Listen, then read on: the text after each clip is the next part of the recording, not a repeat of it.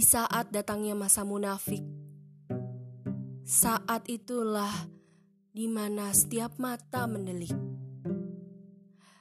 Kehidupan kini sudah semakin menjadi pelik.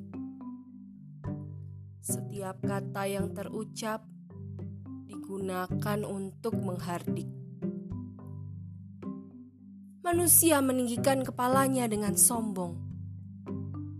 Keramahan pun kini menjadi anak kolong. Keindahan juga jadi semakin bermakna kosong.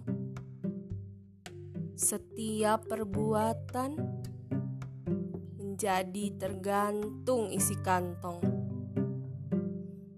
Oh, Ibu Pertiwi, di mana lagi adanya hati nurani?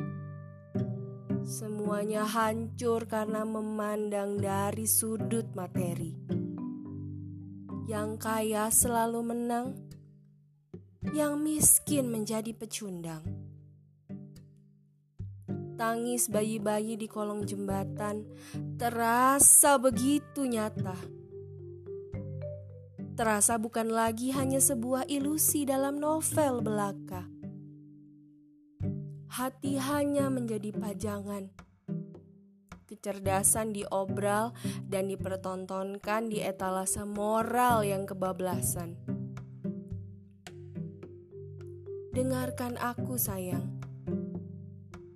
Dunia ini penuh rahasia, dan kau tidak perlu mengetahui semuanya.